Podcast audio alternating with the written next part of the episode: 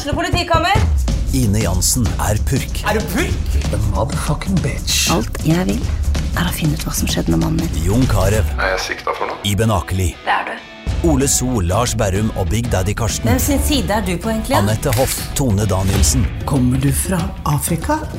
Jørnis Josef, Nesten. Kløfta. Trond Espen Seim, Det er synd å si det, men det var feil mann som døde. Purk. Premiere tirsdag på TV2 Play.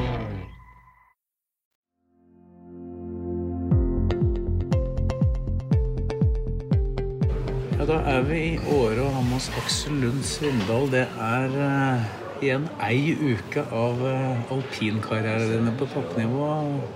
Det er ca. ei uke siden du sa for at dette skulle bli det siste du skulle gjøre. Hvordan, uh, hvordan føler du det nå? Jeg føler at det var en bra øvelse. Jeg har ikke angra på den, i hvert fall. Så um, tenker at det er et godt tegn på at det var riktig. Og så er det jo sikkert mange grunner til at det er riktig akkurat nå, men jeg har vel ant det kanskje litt sånn bak i hodet hele vinteren at det her fort kan være den siste. For jeg var jo ikke helt sikker egentlig i sommer hva jeg skulle gjøre. Men øhm, så lenge ikke jeg var sikker, så følte jeg at øh, da er det verdt å kjøre litt til. Og så kjente jeg løpet av vinteren at det nå nærmer seg egentlig slutten. Og som sagt, flere grunner til det, men eh, hovedgrunnen er vel at eh, jeg har eh, kjørt etter World Cup som, altså, Jeg har kjørt før det òg, men fast World Cup i 16 år. Eh, Det er jo en god stund. Og så litt skader og forskjellig som gjør at det begynner å bli vanskeligere og vanskeligere da, å holde på på det nivået jeg vil. Så mm, da tror jeg at det, det er flere ting som peker på at det er eh, riktig å nærme seg en avslutning. Hva var det som gjorde at du bestemte deg for å ta ett år til i sommer? da? At jeg ikke var helt sikker, sikker på at jeg hadde lyst til å gi meg. Så jeg tror når jeg er ferdig, så jeg har lyst til å kunne sitte hjemme og se på renna på en måte og nyte det. Jeg vil ikke ha noe Eller angre på noen måte på at jeg burde ha kjørt lenger, eller ja. Jeg vil sett bare um, tenke at det, det der var en uh, kul tid og mye kult jeg fikk være med på. Og når jeg er ferdig, så er jeg glad for det òg. Så bare jeg tror det handler bare om å være sikker. Enkelt og greit. Du, du sa at du hadde tenkt på det litt gjennom sesongen, at det kanskje ville bli den siste. Men når var det du endelig bestemte deg? Det var i Kitzbühel at jeg kjente at det her for at, um, Eller klart det er en kombinasjon av flere ting, da. Men for jeg opplevde jo det i Bormu også, at um, det var forhold der som ikke jeg takler så veldig godt, sånn som situasjonen er nå. Eh, og så opplevde jeg det igjen i Kitzbühel, og da som World Cup-utøver, altså, eller som skiløper på høyeste nivå, da, så vil du jo kunne være med på det som skjer på høyeste nivå. Og når det er ting som rett og slett ikke kan være med på, i hvert fall ikke på den måten du har lyst til, så er det ikke Da tenker jeg at de, for de fleste andre kan være med. Så da er det ikke forholdet der det er feil med. Da er det jeg som eh, må ta en vurdering av om det er riktig eller ikke. Så um, det ble nok det ble litt sånn noe som sikkert har ligget der, ble ganske tydelig, følte jeg, eh, i Kitzbühel. Og kanskje litt i Bormu allerede, men særlig i Kitzbühel. På at nå, eh, nå er det kanskje på tide.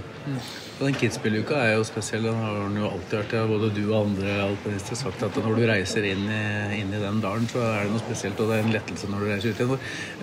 Du reiser derfra forrige helg og veit at du i hvert fall aldri skal opp den bakken mer. Var det noen spesielle følelser rundt det?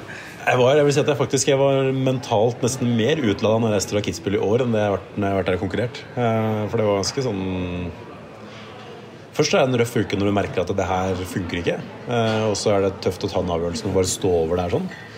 Eh, Altså tøft selvfølgelig i et idrettsperspektiv. da. Det er jo ikke tøft i forhold til måte, de tinga som er tøft i verden, men i sånn idrettsperspektiv akkurat der og da så er det vanskelig. Og så ble det på en måte baller det på seg mer og mer og mer. da Og så ble det, det ble mye intervjuer og, mm, om bare husker, bare jeg grua meg bare For Én ting er å tenke på det og diskutere det litt med noen trenere, noen lagkompiser, med familie, eh, servicefolk, sånne ting. da Men også liksom si det ut høyt, sånn at det ikke kan tas tilbake. Det er noe annet. Så jeg grua meg til den uh, Grua meg til å si det. Og det var derfor jeg sikkert gjorde det på en måte som var litt uh, si for noe Ikke helt uh, impulsiv, men i hvert fall uh, ikke den måten som folk hadde sett for seg. Um, både for at jeg syntes det var riktig med tanke på hva slags folk som var til stede der. Uh, som er folk, altså veldig mange som har vært ekstremt viktige for skisporten. Men også fordi at uh, Jeg hadde ikke noe lyst til å gjøre den der uh, kalle inn til pressekonferanse og sånn som du på en måte vanligvis ser. da Jeg kjente at det Nei, jeg hadde ikke lyst til rett slett. Jeg hadde lyst til å gjøre noe annet. Så um, da... Alle, alle vel skjønt hva det hadde vært da, Ja, det er en spennende måte å gjøre det på. Ja, men det er det jeg mener Når du ser en sånn pressekonferanse, så du veit jo hva som skal skje. på en måte Og det er ikke noe galt med det, men jeg hadde ikke noe Jeg grua meg nok. Ikke at jeg gruer meg til å slutte, egentlig. Det er jeg helt komfortabel med. Men også å si det, det gruer jeg meg til. Så jeg følte jeg gruer meg nok til det at uh, Jeg hadde ikke noe behov for å på en måte, kalle det en pressekonferanse og så gå et døgn og så grue meg til pressekonferansen, og så sitter du der og alle veit egentlig hva du skal si, men du må liksom bare få sagt det. da. Jeg hadde jo ikke Nei, jeg synes, og det er også på en måte Hvor skal du gjøre det? På, en måte på skiforbundslokalene på Ullevål? Eller eh, på Kvitfjell, kanskje. Altså, alt det hadde vært greit, men um, nå var jeg på en måte litt sånn face to face med mange av de som jeg ikke får eh, kommer til å ha så tett kontakt med. Da. For jeg kommer jo til å ha tett kontakt med norske laget og lagkompiser og sånn her.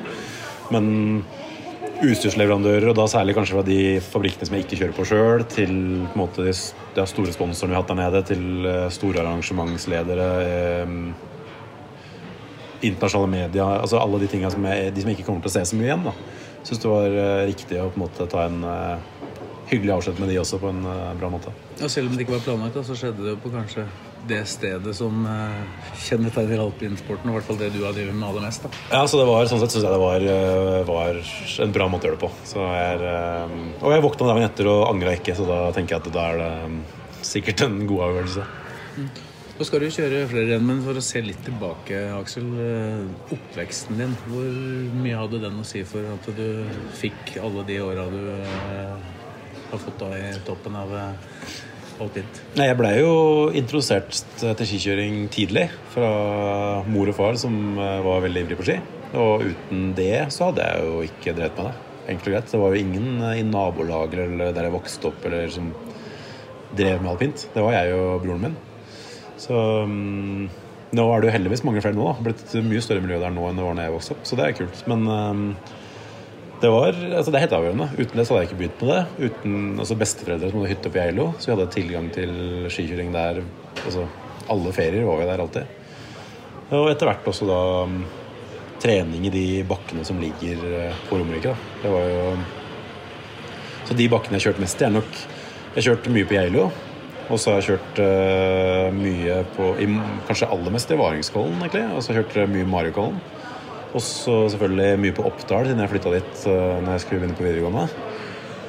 Eh, men det Jeg tror ikke det er noen bakker jeg har kjørt eh, sant, Forskjellen er at når du er på Geilo eller Oppdal, så har du, der er det jo flere bakker.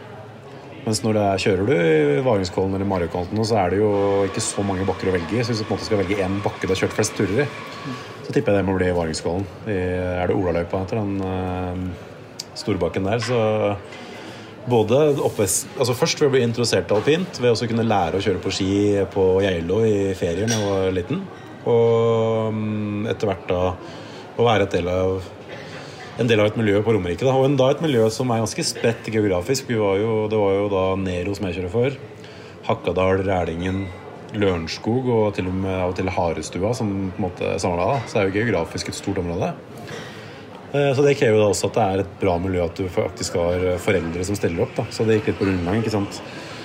På tirsdag så var det en som kjørte, og så på torsdag så var det en annen forelder som kjørte. og um, Fikk det til å funke veldig bra. Så um, den eh, Selv om jeg Når jeg flytta til Oppdal da jeg var 15, så etter det kjørte jeg jo mye mer på ski enn det jeg gjorde når jeg bodde på Romerike.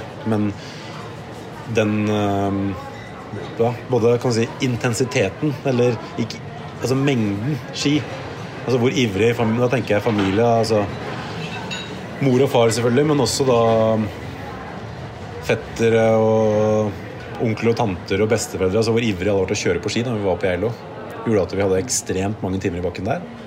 Og så et miljø hvor alle sto på egentlig, eller bidro for hverandre på Romerike. Gjorde at jeg hadde en bra, veldig bra basis når jeg kom til Oppdal. Og da plutselig var det et sted hvor jeg kunne kjøre på ski faktisk hver dag. Da. For det fikk jeg jo ikke gjort, eh, fikk jeg gjort før det. Men um, enkelt rett, jeg hadde nok drevet med noe helt annet hvis ikke jeg hadde blitt introdusert for alpint. For det, var ikke noe selvfølge det på Romerike, i det nabolaget jeg vokste opp eh, ja, da på seint 80-tall og tidlig 90-tall. Hvordan, hvordan forma det deg? Du mista jo mora di veldig tidlig. Du og Simen ble jo igjen med faren din Bjørn. Hvordan forma det deg som menneske, tror du? Det tror jeg er umulig å svare på. For at du har ikke Altså, jeg har, jeg har jo ikke opplevd, opplevd alternativet, så du ser jo på en måte ikke forskjellen. Men um, vi holdt jo Altså, vi fortsatte å gjøre de tinga som vi um, var vant til å gjøre. Så vi brukte jo fortsatt ekstremt mye tid på ski, blant annet sammen. Da. Så jeg tror det er en jeg tror var, altså For det første så var det veldig bra fordi det var noe vi likte å gjøre veldig godt, men jeg tror sikkert det var viktig i den prosessen også. Bare holde fast på de faste tingene som, som vi var vant til. Da. Og som, Det ble en slags terapi oppi det hele. det blir um, Altså jeg husker det var en overskrift faktisk i Romerikes Blad en gang, så den uh, siterte du nesten deg sjøl, men øhm, det er vel uh, Terapi er vel veldig sånn, nesten en sånn klinisk ord, eller uh, en øhm, psykolog eller en lege kan stille, men øh, jeg tror nok uansett, da. Det er jo mange små altså Trivsel, ikke-trivsel er jo veldig mange små ting som faller sammen som om du trives eller ikke trives. Klart Hvis du har en gjeng som liker å kjøre på ski, og ikke minst øh, det som jeg synes var veldig bra i de alpinklubbene jeg var på Romerike, eller i treningsgruppene, var miljøet. At, for jeg tror De som jeg gikk på ungdomsskole med på Kjellervolla, de tipper jeg De trodde at jeg ikke hadde venner eller et eller annet, tror jeg. For at jeg var jo nesten ikke sammen med noen andre på kveldstid da, enn, eller ettermiddag enn at jeg var på trening med, med skigruppa. Så klart å være, fortsette å være en del av et miljø som du trives veldig godt i, tror jeg er, eh, er veldig viktig. Så er det ikke unaturlig da, eller helt naturlig at uh, faren din Bjørn da ble en veldig viktig person i dette her. Hvilke personer er det som har betydd mest for deg på veien fram? Han, han er nummer én, selvfølgelig. Uten han så hadde jeg ikke kjørt på ski. Eh, og ja, da hadde jeg aldri begynt med det. Og så er jeg jo fortsatt på, altså, på forskjellige måter underveis, men han er jo fortsatt en som jeg samarbeider veldig mye med. Eh, så han eh, helt klart nummer én. Og så må jeg nesten si da nummer to broderen. Altså, vi hadde jo ikke fått altså jeg, Hvis ikke han også hadde vært veldig ivrig til å kjøre på ski, så kunne jo ikke jeg kjørt så mye på ski. For da hadde jeg jo ikke hatt tid til å holde på så mye med det. Så um, helt klart uh, Ja, han, at han også var glad i å kjøre på ski, og vi var, gjorde det sammen veldig mye, var veldig viktig. Um, etter det syns jeg det begynner å bli vanskelig, for da er det um, da er det så mange personer. Du, du har trenere som vi hadde på Når jeg var liten, da, på Romerike. Som var uh, sikkert veldig forskjellige, men uh, de, det de hadde til felles, var at alle sammen at de var ivrige, og at det var et bra miljø. Da. For det, klart, det var stor spredning i de treningsgruppene. Det var noen som kjørte i fartsdress omtrent hver tur og skulle bli skikkelig gode. Og andre som stort sett aldri tok av seg jakka for at det var litt kjølig. Så um, hadde litt andre ambisjoner, da. Og det å holde en sånn treningsgruppe som det Holde et godt miljø der, det Der synes jeg mange som gjør en fantastisk jobb. Så um, vanskelig å trenge, liksom, trekke fram enkeltpersoner, syns jeg, av det der. Vi hadde, jeg hadde vel liksom tre hovedtrenere i den perioden uh, jeg bodde på, på Romerike, og alle de syns jeg De tre gjorde en, gjorde en kjempejobb, så jeg vil liksom ikke trekke fram én av de på en måte. Um, og sammen da jeg kom til Oppdal der også var det litt annerledes, for da var det jo mye mer spissa, selvfølgelig. Um, og der også um, syns jeg det var trenere med forskjellige egenskaper, men uh, på godt og vondt.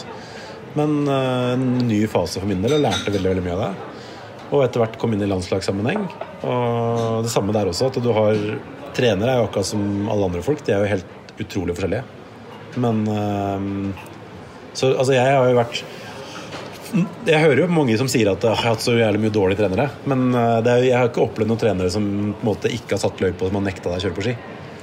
Så det, jeg skjønner ikke hvorfor det altså, Det spørs jo hva du forventer av treneren din, selvfølgelig. Da. Men, og selvfølgelig forventer du også at han har kunnskap om, om alpint. Men på den annen side hvis du, Som nå, da. Jeg har kjørt på, jeg har kjørt på ski siden jeg var to-tre år. da Med andre ord 33 år. Og av de så har jeg kjørt liksom 16 av de på det høyeste nivået. Hvis jeg på en måte forventer at jeg skal ha en trener som skal kunne sinnssykt mye mer om alpint enn jeg kan sjøl, så stiller jeg kanskje eh, urettferdig høye forventninger til treneren. For det, det jeg ikke har lært på de 16 åra, det er kanskje ikke så lett å få lært seg. Og det betyr ikke at treneren på en måte skal være passiv, men du kan liksom ikke forvente at han sier de tre magiske orda hver eneste dag som gjør at du kjører et halvt sekund fortere. For sånn så lett er det ikke. Da. Så mm, Så på en måte blir du en slags trener for deg sjøl òg? Ja. det er det det gjør. da det, Både når du er på en sånn gruppe som jeg var på da jeg var mindre, hvor eh, ambisjonsnivået var så spredt, så må du ta litt ansvar for egen utvikling. For at eh, det er ikke alle som eh, har de samme ambisjonene. Og da føler jeg at trenerens oppgave er selvfølgelig å serve det beste, men det er også å lage et veldig bra miljø da, i den gruppa. Um, og så um, sånn i ettertid, når du er uh, i Skiforbundet, på en måte, selv om du er på landslaget, så har jo folk gode og dårlige dager. Så hvis det er vanskelig for er, en måte, Alle utøverne er ikke helt like hver eneste dag. Så det er ikke noe um, Du kan liksom ikke regne med at treneren på en måte skal være den perfekte treneren kun for deg hver eneste dag, for det er uh, vanskelig å få til.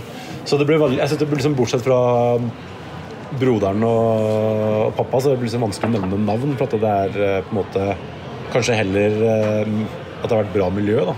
Som har vært eh, den viktigste faktoren. Så jeg kan istedenfor å nevne Altså, du sa fem personer, da. Da har jeg nevnt to navn, og så nesten nevne tre miljøer isteden. Da. da vil jeg nevne det miljøet som jeg var når jeg var hjemme, som da var det samarbeidet mellom den gangen da, Nero, Hakadal, Rælingen, Lørenskog og Harestua også, i hvert fall tror jeg én løp for Harestua et par år. Eh, og så miljøet på Oppdal Skinas etterpå. Og så egentlig etter det miljøet Skiforbundet. Um, som har vært et dødsbra. My, utrolig mye bra folk. Uh, på, og kanskje ikke minst på utøversida. Her er det vel en du har delt rom med flere ganger enn de aller fleste andre, kanskje? Kjetil? Har, Kjetil kommer jo, Det er litt gøy, for eh, Kjetil husker jo så godt når han kom på den første Sandøya på juniorlandslaget. For da var jo han 15 år, da, så han var jo Han var ikke det engang, nesten. Jo, han var 15 år. Og kikka liksom Kom inn en dag etter oss andre, da, på Aurdal. Bo på hytte. Og liksom sto med baga i gangen, da, og så alle hilste på han, og så var det etterpå litt sånn Hvor skulle han bo hen? Hvor da jeg bodde Ja, jeg, jeg tror jeg bodde på rommet Andreas Løken fra Akkadal.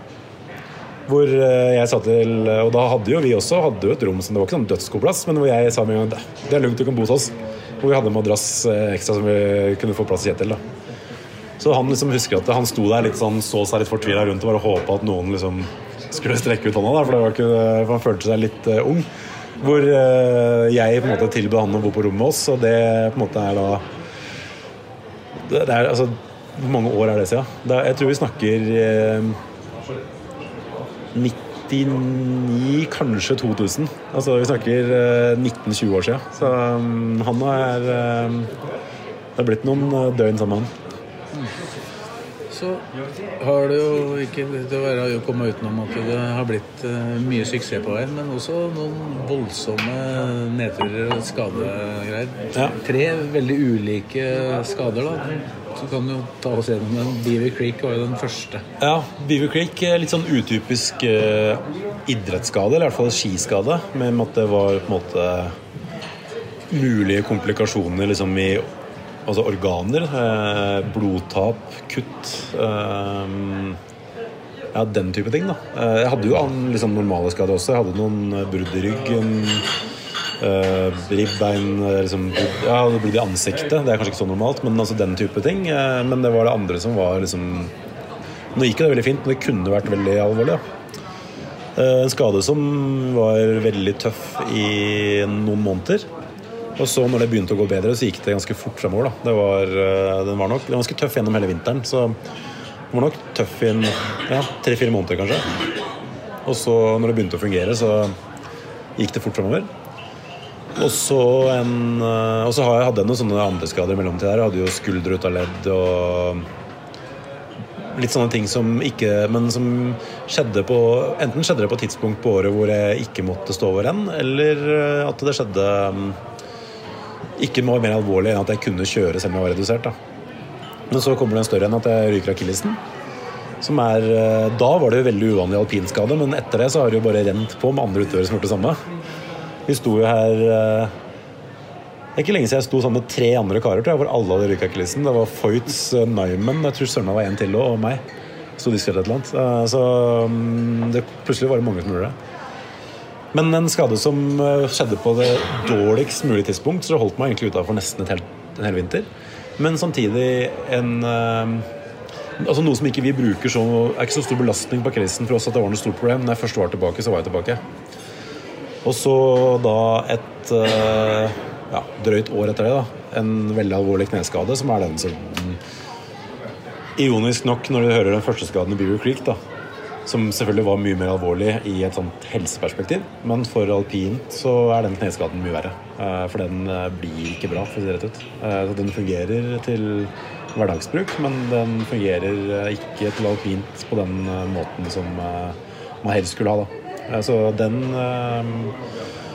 Og da måtte jeg også følge, altså Et år etterpå så måtte jeg ta en ny operasjon også, faktisk. For da var det en ny skade i kneet, som da også var et resultat av at det var tingene der som altså, Ikke at det var noe galt med operasjonen i første, for den, alt det de opererte da, var veldig bra. Men at det kanskje det var andre ting også som hadde fått seg en trøkk, da, som ikke tålte rett skikjøringa like bra. Og så mm, ja, Resultatet av det er jo at det som sagt ikke fungerer så bra til uh, utforkjøring på høyt nivå som det, man, som det jeg gjerne skulle, skulle sette at det gjorde. Da. Men den mentale veien tilbake her Hvordan har du jobba? Har det vært forskjell på de tre skadene, eller hvordan har du jobba?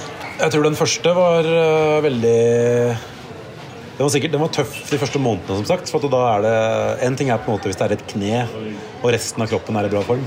Men når du begynner å få sånn øh, komplikasjoner eller liksom med kroppen med på en måte, altså, ja, At du ikke kan spise og så- Da, mist, altså, da blir jo hele kroppen dårlig form. Da. Så den første, det første tror jeg bare mentalt nesten bare la fra meg det toppidrettsfokuset i tre måneder bare for å komme meg på beina. Og så begynte å tenke på toppidrett når jeg ja, kunne ja, begynne å kjøre bil igjen, eller på en måte faktisk gjøre ting. da. Så for å komme meg til toppidrettssenteret for tre altså, nå, var nå er det ikke sant at jeg ikke hadde klart å komme meg dit, men uh, hvis du ikke er klarert for å kjøre bil, så er du ikke klarert for å løfte knebøy heller, liksom, så det, da blir det et stykke å gå. Men så den tok, tror jeg var sånn satte alt litt på hold, og så bare komme seg litt brukbar form. Akillesen er liksom egentlig en følelse som en parentes. Da det, er bare, det hindrer deg til å kjøre, men ellers så vet du at det skal bli bra. Så da kan du egentlig bare holde hjernen i gang. Eh, være litt om. Også kneskaden eh, er nok litt mer eh, Kanskje være litt sånn sta. For da mm, fikk jeg jo litt beskjed om at det er ikke sikkert det her går, rett og slett. Men jeg bare, da var jeg mer sånn at det her skal gå. Um, ja, rett og slett bare sta. At, uh, selvfølgelig lytte til det folk sier og være tålmodig og alt det der, men bare være overbevist om at utfallet blir at det, at du, det kommer til å funke. Da. Selv om du vet at det ikke er sikkert, så må du bare kjøre på. Um, så det var litt forskjellige, forskjellige situasjoner sånn sett, men um, også sikkert uh, like den måten at du tar imot gode råd fra flinke folk, og så følger du de råda samtidig som du legger ned på en måte en bra arbeidsmengde. Og så um, kommer deg på ski igjen når, uh, når tida er inne. Men sånn, når du forbereder deg f.eks. i Beaver Creek, når du skulle tilbake dit, så vant du jo der eh, sesongen etter at du hadde skada deg. Hvordan er det du forbereder deg mentalt på å fikse det? Du hadde jo et stygt fall. Ja, den, uh, så den skjønte jeg jo ble vanskelig. Den kjørte jeg jo i hodet jeg vet ikke mange, altså, Kjørte den om og om, om igjen da, før jeg kom dit. Men allikevel, når jeg kom dit, så merka jeg at det hadde ikke hatt god nok effekt. på en måte. Jeg syntes det var vanskelig. Så den husker jeg, der sleit jeg skikkelig på gjennomkjøringene. Jeg ikke, klarte ikke å fokusere nok på resten av løypa, for jeg tenkte så mye på akkurat det hoppet. Så da må du finne en løsning. Så det, blir litt sånn, Første er jo å innrømme at, det er, at du er litt redd. da. Eh, Å være redd er jo ikke så bra, så det er greit å være nervøs og respekt, sånn, men redd er litt uh, dumt. Så um, komme seg over det. Og der ble det løsninga litt sånn matematikk. At uh, ja, utforløpet er jo strengt tatt to minutter lang. Så hvis du er redd for ti sekunder, så er det litt synd om de ti sekundene skal ødelegge for uh, to minutter. Så uh, bare um, ta de ti sekundene på en måte som en egen greie. rett og slett. Så tenke at eh, hvis jeg, jeg skal gi gass i alt det andre, så er det lov til å være litt rolig de ti sekundene. Og liksom ved å tenke på det som en brøk, da, hvor det faktisk da bør være mulig å vinne selv om du ikke kjører perfekt de ti sekundene, så mm, så funka det. Så det er litt Faktisk eh, Det har skjedd flere ganger nå, men eh, det er faktisk eh, den, Det der var faktisk et Det var svenske Jeg lurer på svenske Olympiatoppen som hadde sånne der, greier. For, forberedelse til OL eller et eller annet. Hvor det, var, det ble brukt som et eksempel på hvordan man kan deale med vanskelige situasjoner. Da. At du liksom For folk er forskjellige, ikke sant. Og for meg så funker eh, fakta funker mye bedre enn eh, en måte ros, da. Eller kompliment. For det er ikke så faktabasert. For eh, hvis du sier at det her er det fikser du, på en måte, så er det hyggelig av deg å si det, men da tenker jeg mer at du heier på meg, mer enn at du er 100 sikker på at jeg fikser det. Mens matematikk er liksom Det er 100 Men sånn, for det har fascinert meg litt eh, i løpet av en karriere og sett, snakka med deg mange i forbindelse med mange renn. Den, den derre taktiske inngangen du har når du forteller etterpå hvordan du har tenkt på forhånd. Da. Blant annet du vant et superg-renn i Kitzbühel, så, så var det tror jeg Mathias Maier som leda leda i mål. Og da, da husker jeg du sa at uh, hvis jeg føler at alt har gått greit til Hausberg-kanten For han hadde tatt et rått valg i den ene svingen. Ja. Da, da, da, da skal jeg ta den safe ned, hvis Ja, ja. jeg ikke føler jeg har gjort det. Så uh, hvor, hvor mye taktikk er det i, uh, i det du har levert? Det er nok en del taktikk, men det er lettere å være taktisk hvis du er i sinnssykt bra form. Så hvis du er så bra form at du vet du kjører fra de andre når du, kjører, når du treffer perfekt, så er det lettere å være taktisk. Hvis du, med andre ord så må det være en form som gjør at du vinner ganske Vinner mye konkurranser, da. Ehm, Da kan det være litt eh, smart noen steder. Men hvis eh, hvis du ikke er så god form, så um, er det mye vanskeligere. For det, selv om du da kjører bra, så er det fort at det er et par andre som har kjørt akkurat like bra. Så da har du ikke råd til å være taktisk på den måten. Da. Men når det er den formen som gjør at du vinner ja, ofte, så vet du også når du tar det maks treff, da, at det her er det ingen, i hvert fall veldig veldig få som henger på tempoet her. Og da har du kanskje muligheten for å være noe mer taktisk. Men, men det har jo også å si noe hvem som leder. Hvem Ja, det kan ha noe å si for um, måte, måten å kjøre på. Hva er det som betaler seg, da? Um, for du har jo, husker jo OL i Vancouver, så var det Baldy som leda både utenfor og supergen jeg så på start. Og det, han har en kjørestil som er eh, ekstraordinær på en del områder. Og det sier på en måte noe om om hva som er mulig å gjennomføre, hva du kan komme unna med. Da. Um, hvis han leder, så kan du på en måte gå fryktelig høyt noen steder. Og det er, ja, det er mulig å komme unna med noen sånne nesten kalde snarveier. Så, um, men som sagt, det der er, noen ganger så er det mulig, og andre ganger så er det ikke mulig å være I hvert fall mye mye vanskeligere å være taktisk. så skal du kjøre i en bakke her som du kjenner godt, og du har vel vunnet tre av de fire rennene du har kjørt her, i hvert fall som voksen. Da. Så ble du vel slått grundig første gangen du var i året. Da, da husker jeg du fortalte at du hadde vært redd. Ja, jeg var det. Det var første utfor jeg kjørte det. Eh, 19... 1999, tenker jeg. Januar til og med, tenker jeg. 1999, Så det er ganske nøyaktig 20 år siden. Ja, det ble Det er eh, Ja, det var Det kjørte jeg dårlig. Skikkelig. Og jeg starta omtrent sist òg.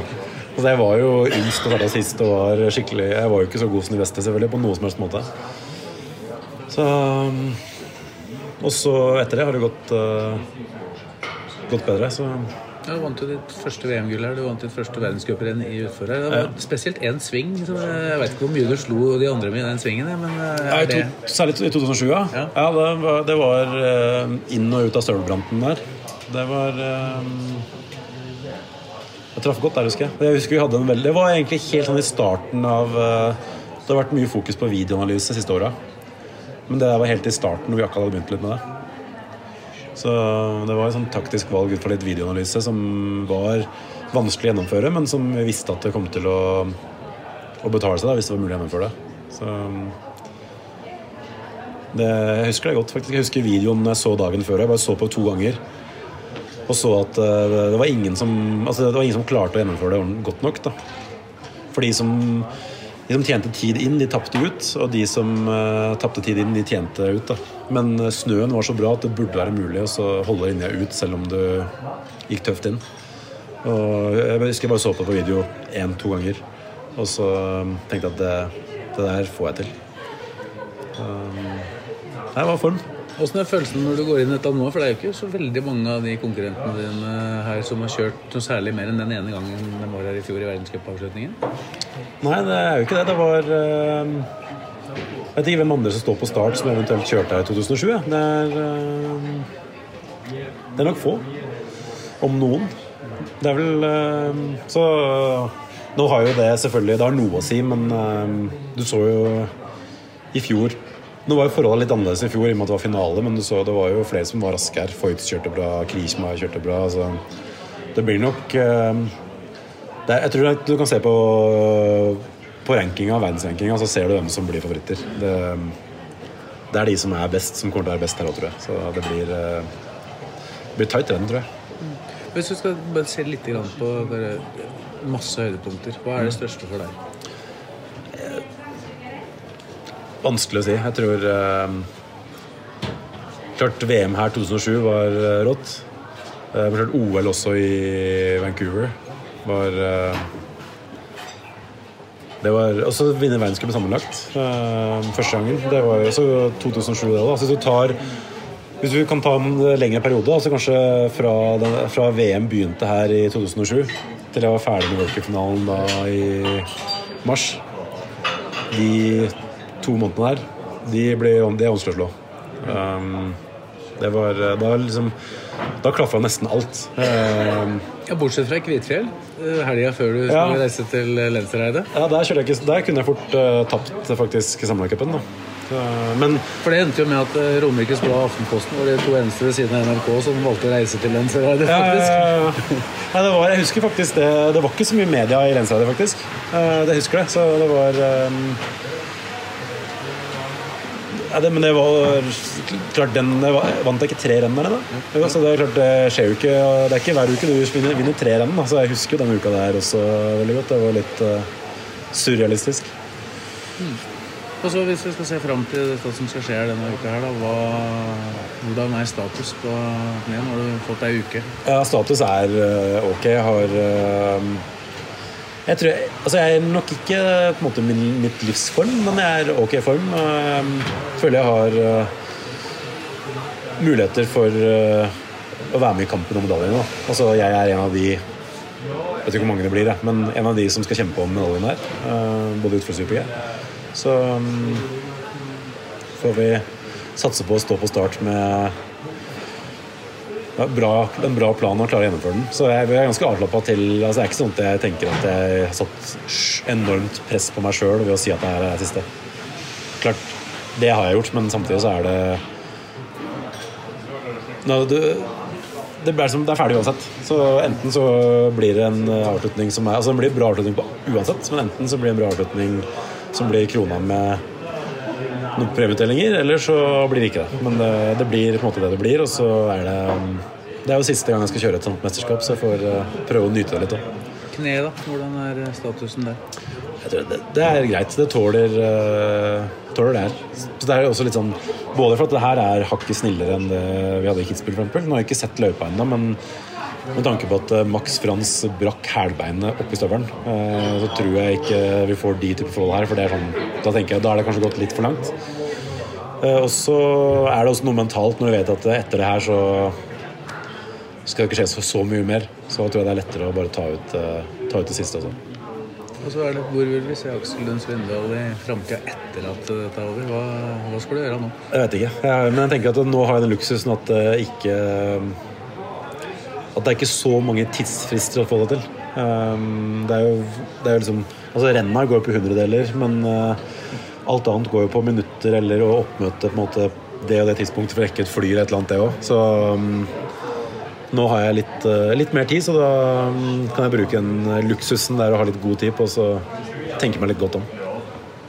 Du har jo allerede brukt ganske mye tid på å forberede framtida med tanke på at du forhandle alt sjøl, du har investert litt i eiendom osv. Er, det, er det der du tenker tankene Ja, egentlig, men tenker, For meg så har det ikke vært en, det har ikke vært en forberedelse på framtida. Det har vært eh, mer at jeg har hatt interessen underveis til å gjøre, gjøre ting ved siden av. Så, mm, men det gjør jo selvfølgelig at eh, når jeg nå skal slutte, så har jeg et innblikk i litt forskjellige ting. Og mm, også litt forskjellige miljøer der jeg kan eh, ja, kan være litt da, for å finne ut hva det er jeg vil bruke tid på. Men at jeg kommer nok ikke til å bruke all tida mi på én ting.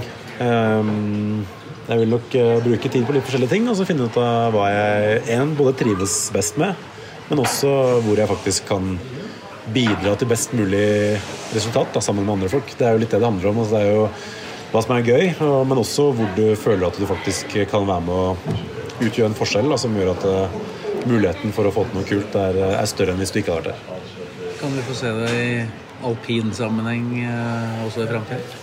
Det kan nok hende på en eller annen måte, men uh, jeg har ikke noe Jeg har ikke noen planer om å bruke ekstremt mye tid uh, på alpint. I hvert fall ikke sånn med en gang. Men jeg vil jo ha tett kontakt med de jeg har vært så mye sammen med. Så um, jeg, nok, jeg, vil nok være, jeg, vil nok ha mye mer kontakt med alpinmiljøet enn det som kommer til å synes i media.